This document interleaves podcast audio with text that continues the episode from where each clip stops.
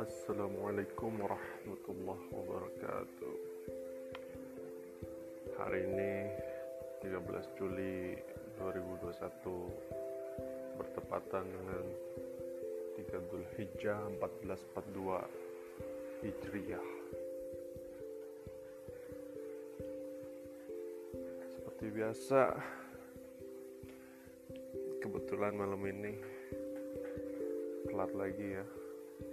Pukul 23.59 waktu Taiwan. Asrama mahasiswa muslim Yecha New Taipei City Taiwan. Ya kemarin kita udah sedikit bincang-bincang tentang latar belakang keluarga gua. Hari ini kita coba bincang-bincang soal apa ya? Tidak bisa tebak. Bincang-bincang soal apa?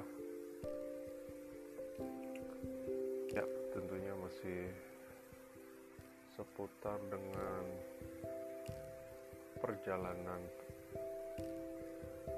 proses mencari makna hidup gue ya. Jadi gini.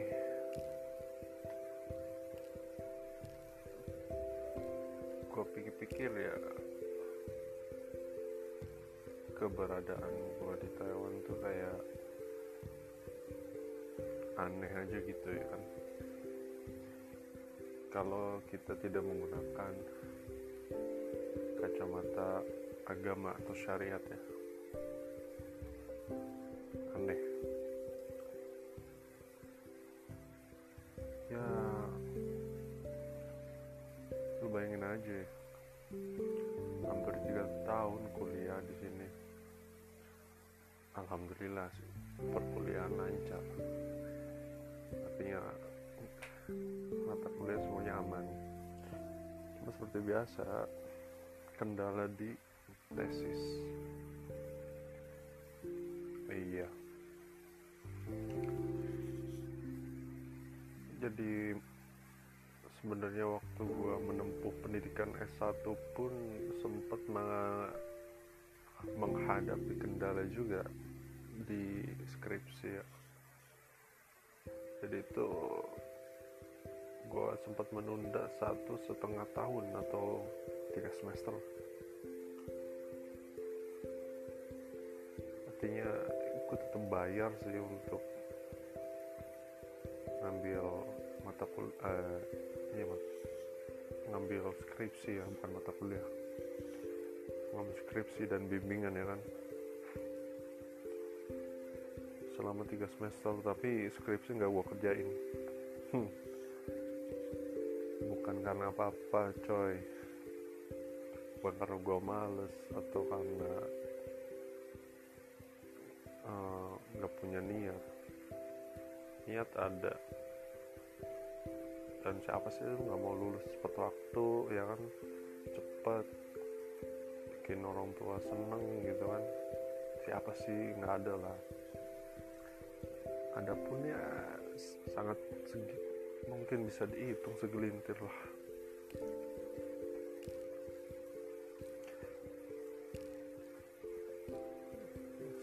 pernah cerita ya sebenarnya sih di segmen pertama. Jadi itu kan gue tunda satu setengah tahun karena kondisi keluarga yang kurang kondusif. Artinya ya lu mau ngerjain skripsi lu tapi kalau tiba-tiba di tengah lu mesti berhenti. Padahal itu momen-momen di mana lu sedang asyik gitu kan. Men, uh, mendalam menyelami bahan bacaan lu gitu kan. Nih lu baca lu proses kemudian lu tuangkan lagi dalam bentuk tulisan sesuai dengan kapasitas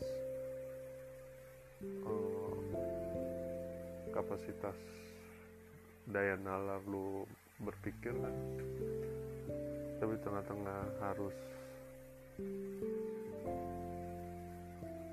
memenuhi panggilan orang tua. Gimana coba? Ya jelas kita mesti bakti sama orang tua tapi di saat di mana ketika orang tua belum mampu mengerti kondisi yang sedang dihadapi oleh anaknya itu gimana gitu ya? Nah daripada daripada waktu itu mendingan ya gua nggak kerjain aja sekalian gitu kan. Karena emosi nggak stabil bos ya kan bukan pertama dua kali sering ya kan. Jadi tuh ya dari kecil ya dari gua SD sampai SMP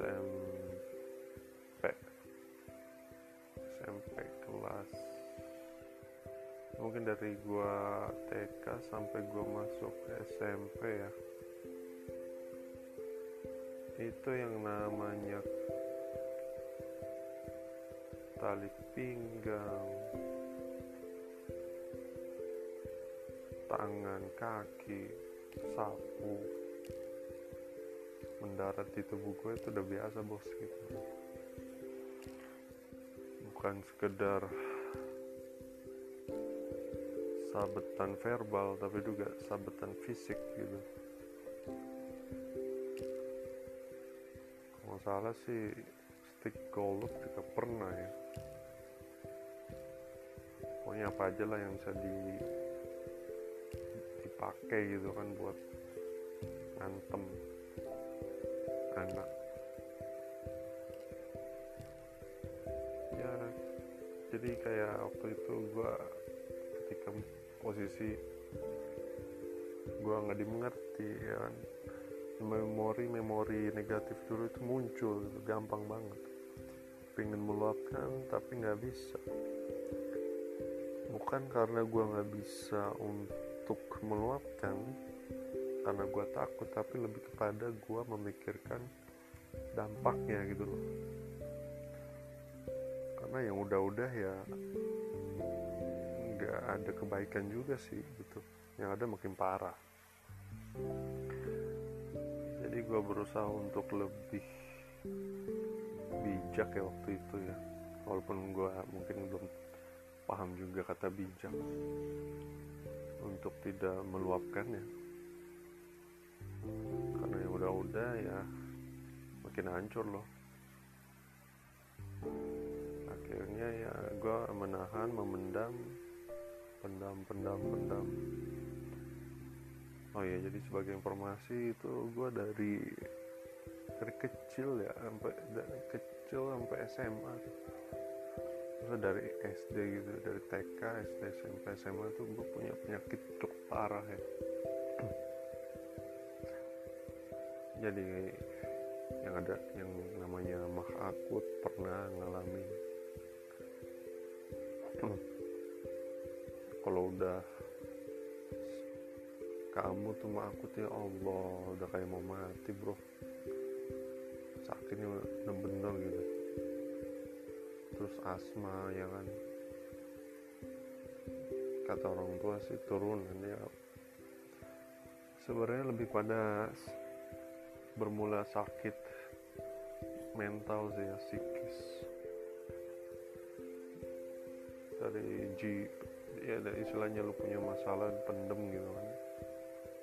Itu ngaruh banget ke kondisi ya kesehatan men, uh, kesehatan mental dan psikis ya fisik.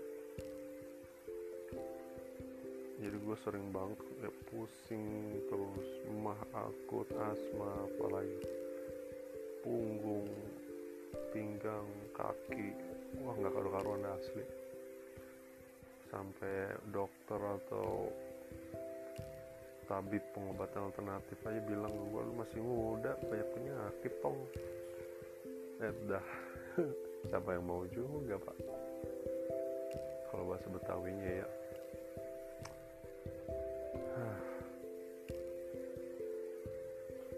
Ya gitu dah. Balik lagi ke kondisi gue yang sekarang ini di Taiwan jujur ini gue mengalami kembali masa-masa itu. Tapi gini bos.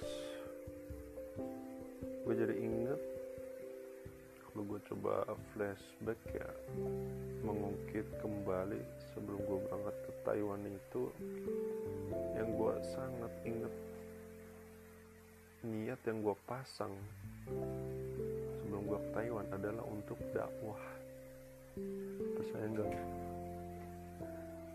kenapa dakwah? Ya ini sih sebenarnya ada sangkut pautnya pas gue mondok. Jadi gue pas masuk jenjang pendidikan SMP gue sempat mondok ya. Di salah satu pesantren cukup terkenal di Jayanti Tangerang Banten. Nanti kalau mungkin sekiranya lo alumni pondok itu Assalamualaikum akhi ukti ya gue mondok di situ tiga tahun ya dari 2006 sampai 2010 empat tahun deh. Tiga tahun SMP satu tahun SMA nah waktu gua pesantren di sana itu gua ikut kegiatan yang namanya public public speaking club atau bahasa Arabnya muhadharah di sana kita itu dilatih untuk mampu menyampaikan pidato ya kayak dai lah penceramah macam-macam itu gue ambil spesifikasi eh, spesialisasi bahasa Inggris. Sengaja gue karena ya sebelum masuk pondok itu gue udah memperdalam bahasa Inggris ya ikut les-les gitu waktu SD dibayarin nyokap gua nyokap gua sangat mendukung waktu itu alhamdulillah. So lagi gua di sana mikir gua bisa pidato bahasa Arab bahasa Inggris bahasa Indonesia. Kayaknya seru nih kalau dakwah di luar negeri gitu kan. Karena waktu itu juga di pondok gue tuh sempat ada program pertukaran pelajar ke luar negeri gitu loh. Inget banget gue punya kakak angkat ya cewek. Sekarang dia jadi psikolog dia itu kebetulan bokapnya alumni pondok juga dan mengabdi di pondok artinya balik ke pondok bantu pondok berkembang.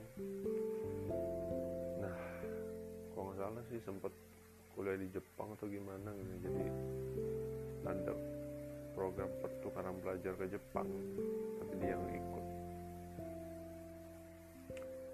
Di situ gue sangat menggebu-gebu gitu ya jiwa santri gue merontak untuk wah seru nih keluar negeri gue berdakwah ceramah. Kayak bayangan gue waktu itu. Karena alhamdulillah juga sebagai informasi gue atas izin Allah mewakili pondok gua dan provinsi Banten bisa bawa medali emas pulang di Pospenas 2010 kategori lomba pidato bahasa Inggris. Alhamdulillah Alhamdulillah ada fadli Rabbi so balik lagi soal niat. Jadi niat yang gue pasang itu memang di luar salah ya segini loh. Gue sering banget mengajukan pertanyaan ke diri gue ke setiap peristiwa yang gue alami.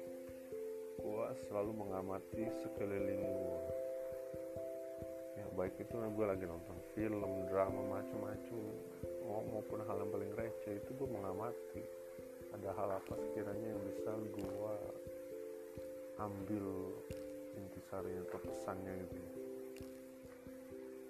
Nggak sekedar cuma menikmati hiburan terus lepas aja gitu. Nggak ada nggak ada sesuatu yang bisa gue pu bawa pulang yang bisa gue terapkan. Jadi ibaratnya gini sih. Kayak coba, coba ambil satu contoh dari hadis gitu ya kita semua tahu ya kalau lalat itu kotor. Jangan suka hinggap di sampah atau di got gitu kan.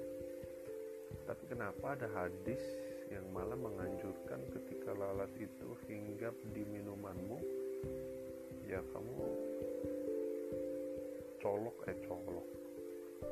Celupkan lalat itu, lalat itu sepenuhnya ke dalam air.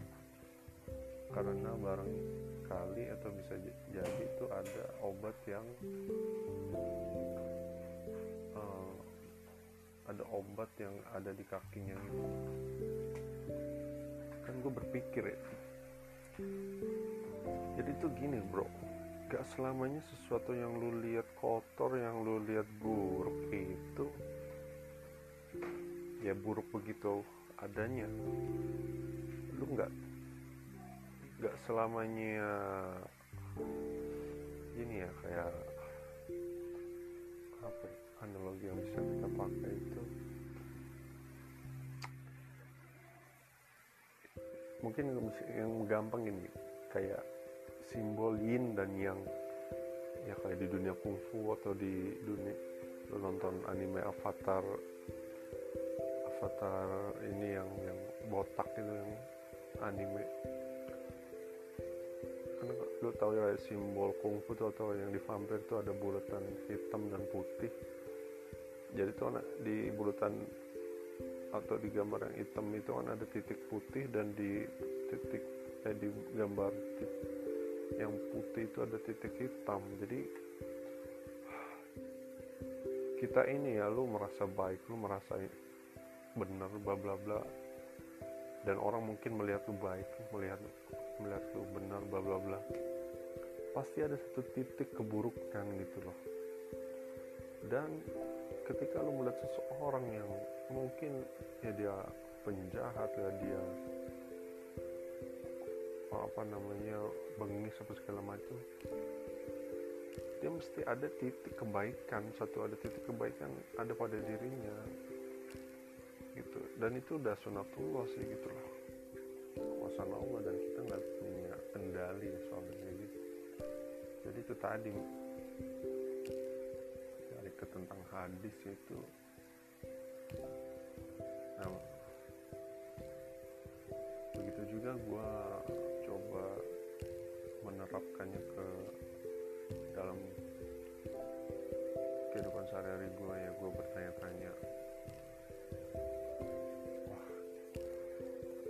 benar adanya sih gitu soal niat ya sebagaimana yang gue pelajari itu di bab hadis ya.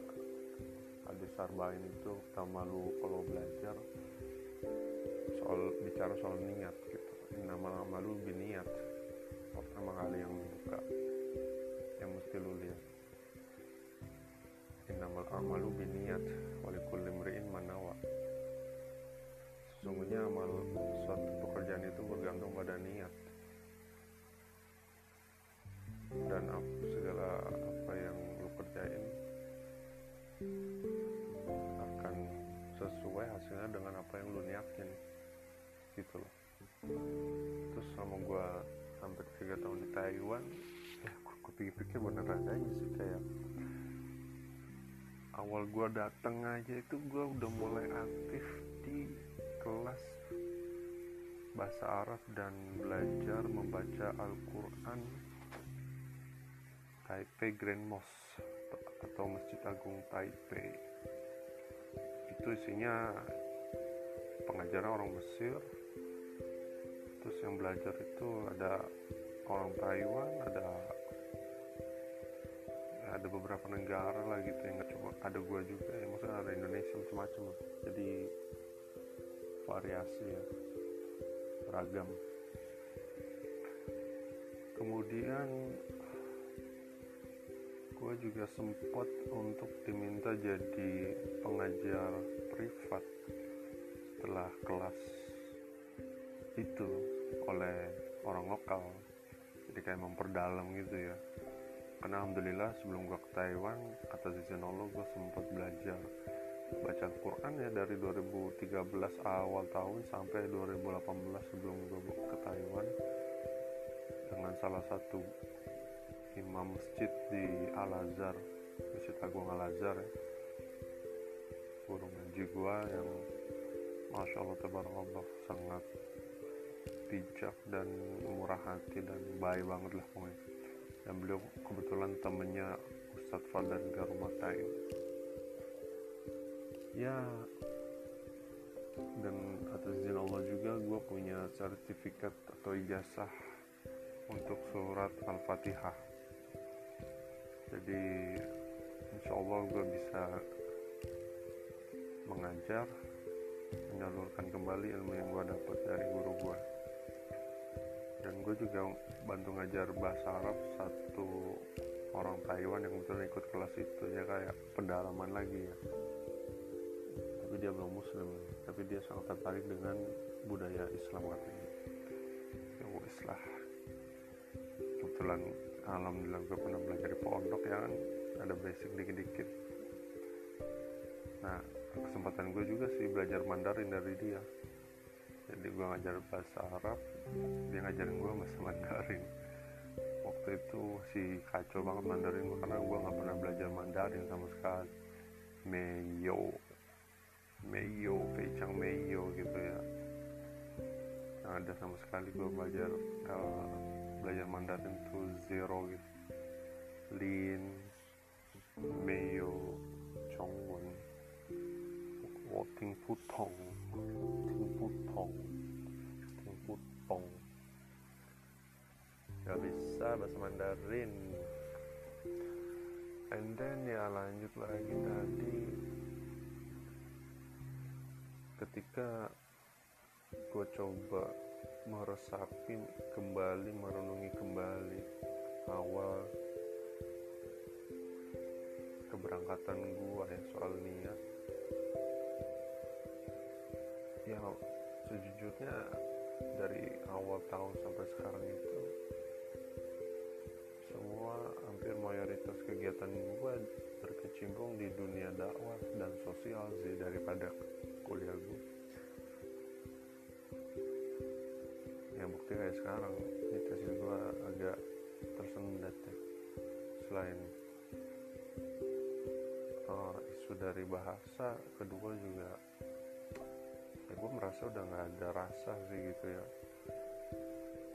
gue merasa kayak terkekang gue merasa kayak nggak bertumbuh kembang gitu ya. Dan ini juga sebenarnya persis apa yang Cak Nun ya uh, alami gitu. Jadi gue sempat pelajari sedikit biografinya Cak Nun gitu kan. Dia aja cuma kuliah satu semester di UGM sekolahnya juga pindah-pindah. Karena dia dulu ternyata dari kecil itu rajin kritis banyak bertanya tapi suka membantu. Karena katanya ya beliau sering lihat ibunya membantu tanpa pamrih dan tanpa kondisi apa pun gitu tanpa syarat. Masya Allah. Terus gue pikir kayak kok sama hampir sama kayak gue ya? Ya kayak gue udah merasa wah ternyata ada figur yang bisa gue lihat tuh kanun gue buktinya sekarang. Ya bagi gue dia orang hebat ya karena cara dia bicara bisa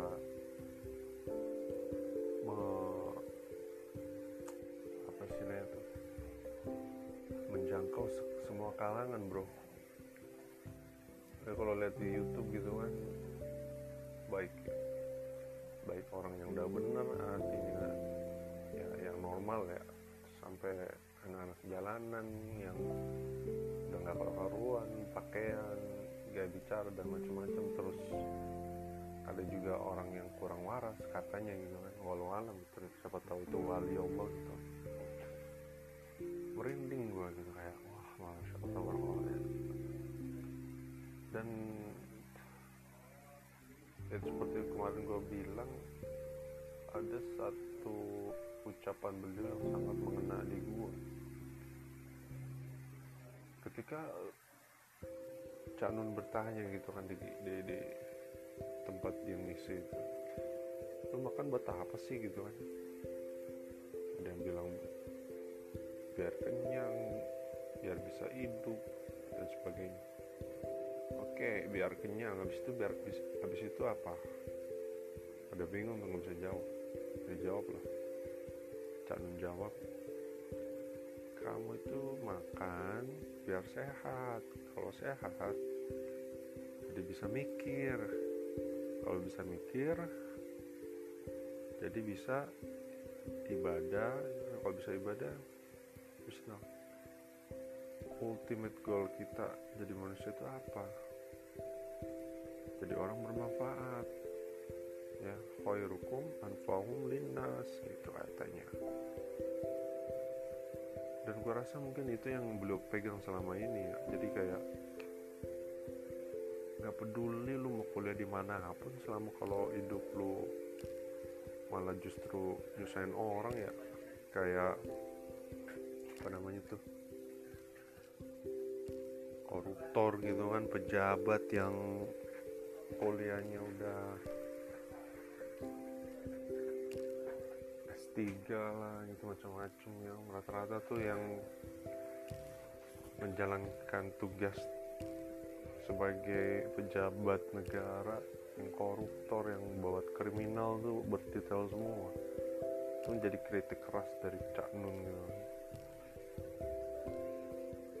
Dan ya kalau dipikir gini juga ya masing-masing tuh kan masing-masing orang tuh unik dalam dalam jalurnya sendiri gitu loh. Lu nggak bisa menghukumi gajah bodoh karena nggak bisa manjat atau nggak bisa berenang. Begitu juga ikan lu hukumi dia nggak sebaik uh, gajah bisa berjalan di daratan. Atau atau elang gitu kan. Nah ini hal, -hal kayak gini nih ya yang ternyata selama ini kita itu dijejelin atau ditanami paradigma-paradigma yang salah paradigma berpikir yang salah gitu. Dan sebenarnya kalau dibahas panjang banget bener gitu ya akal-akal masalahnya jadi ya gitu lah selama ini ya udahlah gitu. Kita punya dua opsi ya punya dua uh, pilihan. Ketika melihat suatu fenomena atau masalah antara kita mengutuk kejadian tersebut atau kita mengambil pelajaran dan segera merubahnya gitu. Karena dua-duanya sama-sama menghabiskan energi gitu menyerap energi. Tinggal kita bagaimana mengatur ya mengendalikan diri kita untuk mengolah uh, energi tersebut kepada hal yang positif. Jadi habis waktu kita habis energi kita itu terbayarkan gitu loh. Ya sepadan dan memang layak untuk dihabiskan gitu bukan hal untuk yang sia-sia ya. Malah banyak mengutuk nggak ngapa-ngapain nggak merubah situasi juga nggak memberikan dampak positif atau kontribusi yang baik. Percuma aja gitu loh. Ya gue jujur aja di masa-masa gue melihat kayak banyak nggak ketidakadilan tuh gue banyak mengutuk banyak mengkritik. Tapi di sisi lain gue juga coba untuk cari solusi apa yang bisa gue kerjakan untuk setidaknya diri gue itu ada manfaatnya gitu kan. Ada sumbangsinya walaupun sedikit walaupun cuma satu persen walaupun walaupun walaupun lah gitu kan. Istilahnya gue ikut andil bangun bangunan gitu misalnya. Walaupun gue cuma nganterin batu bata walaupun gue cuma nganterin semen ya atau walaupun gue cuma ngaduk semen kagak sampai nyusun batu batanya masing-masing tuh punya andil gitu loh punya uh, perannya masing-masing sesuai kadar kemampuannya. Jadi nggak usah sosokan lu atau kita ini menghukumi orang dengan sudut pandang kita gitu loh. Ya kan? Dan sebagai penutup pas gue pikir-pikir ya barusan lah aja tadi sebelum maghrib gue jalan keluar bentar mau beli baju ke net ya karena ada diskon kata temen gue buru-buru dah kepikiran mau beli oleh-oleh buat bokap sama adik gue nanti kita pakai baju seragam. Pas pulang nanti sebagai insya Allah kalau ada masih masa ya gue sebagai peringatan gitu ya. Syukuran lah. Bisa kumpul bareng lagi keluarga. Nah dalam perjalanan itu gue sambil dengerin ceramah di YouTube. Channelnya Kiai Haji Buya Sakur. Buya Sakur Yasin. Tem judulnya itu tentang belajar diam gitu jadi kita ini nggak usah terlalu banyak berangan-angan ya katanya. Ada beliau baca kitab gitu itu sambil diterjemahin gue lupa kitab apa gitu jadi kita nggak boleh nggak usah terlalu banyak berangan-angan lah. Dan kalau bisa ya lebih banyak berzikir daripada berangan-angan dan ngomongnya baik aja gitu. Kalau nggak bisa ngomong baik diem lebih baik kalau kita mau ini mau itu mau jadi ini mau jadi itu sebenarnya semua itu atas kehendak Allah gitu. Bisa ada orang jadi pejabat itu atas kehendak Allah bisa ada orang jadi pengusaha jadi pintar jadi apa atas kehendak Allah gitu. Ya kan? Kita lahir ke dunia aja kagak bisa milik kagak bisa minta di sana di sini mau lahir dari keluarga yang ini dari keluarga yang itu jadi kondisi yang begini kondisi begitu. itu gimana saudara-saudara kita yang lahir dengan kondisi yang kurang sempurna? Ya kan? Atau baik dari fisik atau mungkin akal. Lu pernah mikir nggak gitu? Kita pernah nggak sih banyak berevaluasi ya? Merenung dengan kondisi-kondisi demikian peristiwa-peristiwa. itu nah apalagi lu punya angan-angan yang macam-macam lu terlalu membatasi diri atas rahmat Allah Subhanahu Wa Taala gitu loh. Ya kan? Kayak gini gue sempat ngobrol-ngobrol sama temen kemarin kayak oke lah lu punya rencana hidup dari hari ini seminggu depan seminggu yang akan datang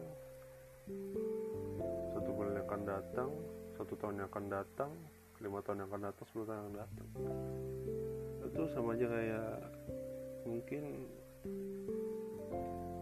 membatasi rahmat Allah gitu loh.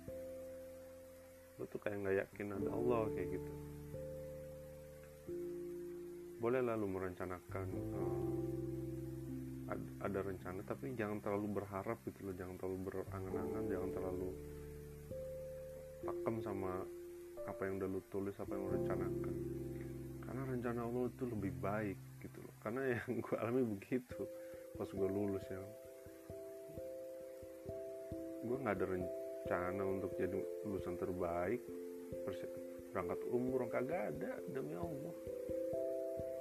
Allah kasih lulus lulusan terbaik. Terus dikasih ya, diundang Allah umroh. Sebelum covid tuh gue ya Allah gue pikir sesuatu banget. Kayak sekarang umrah aja susah banget jangan haji. Allah tuh maha baik banget proses. Maha segalanya kalau udah Allah maha segalanya lu nggak usah khawatir lah tentang kehidupan dunia. Yang kita perlu khawatir sebenarnya kehidupan akhirat gitu loh. Kayak lu udah nyiapin bekal apa gitu loh.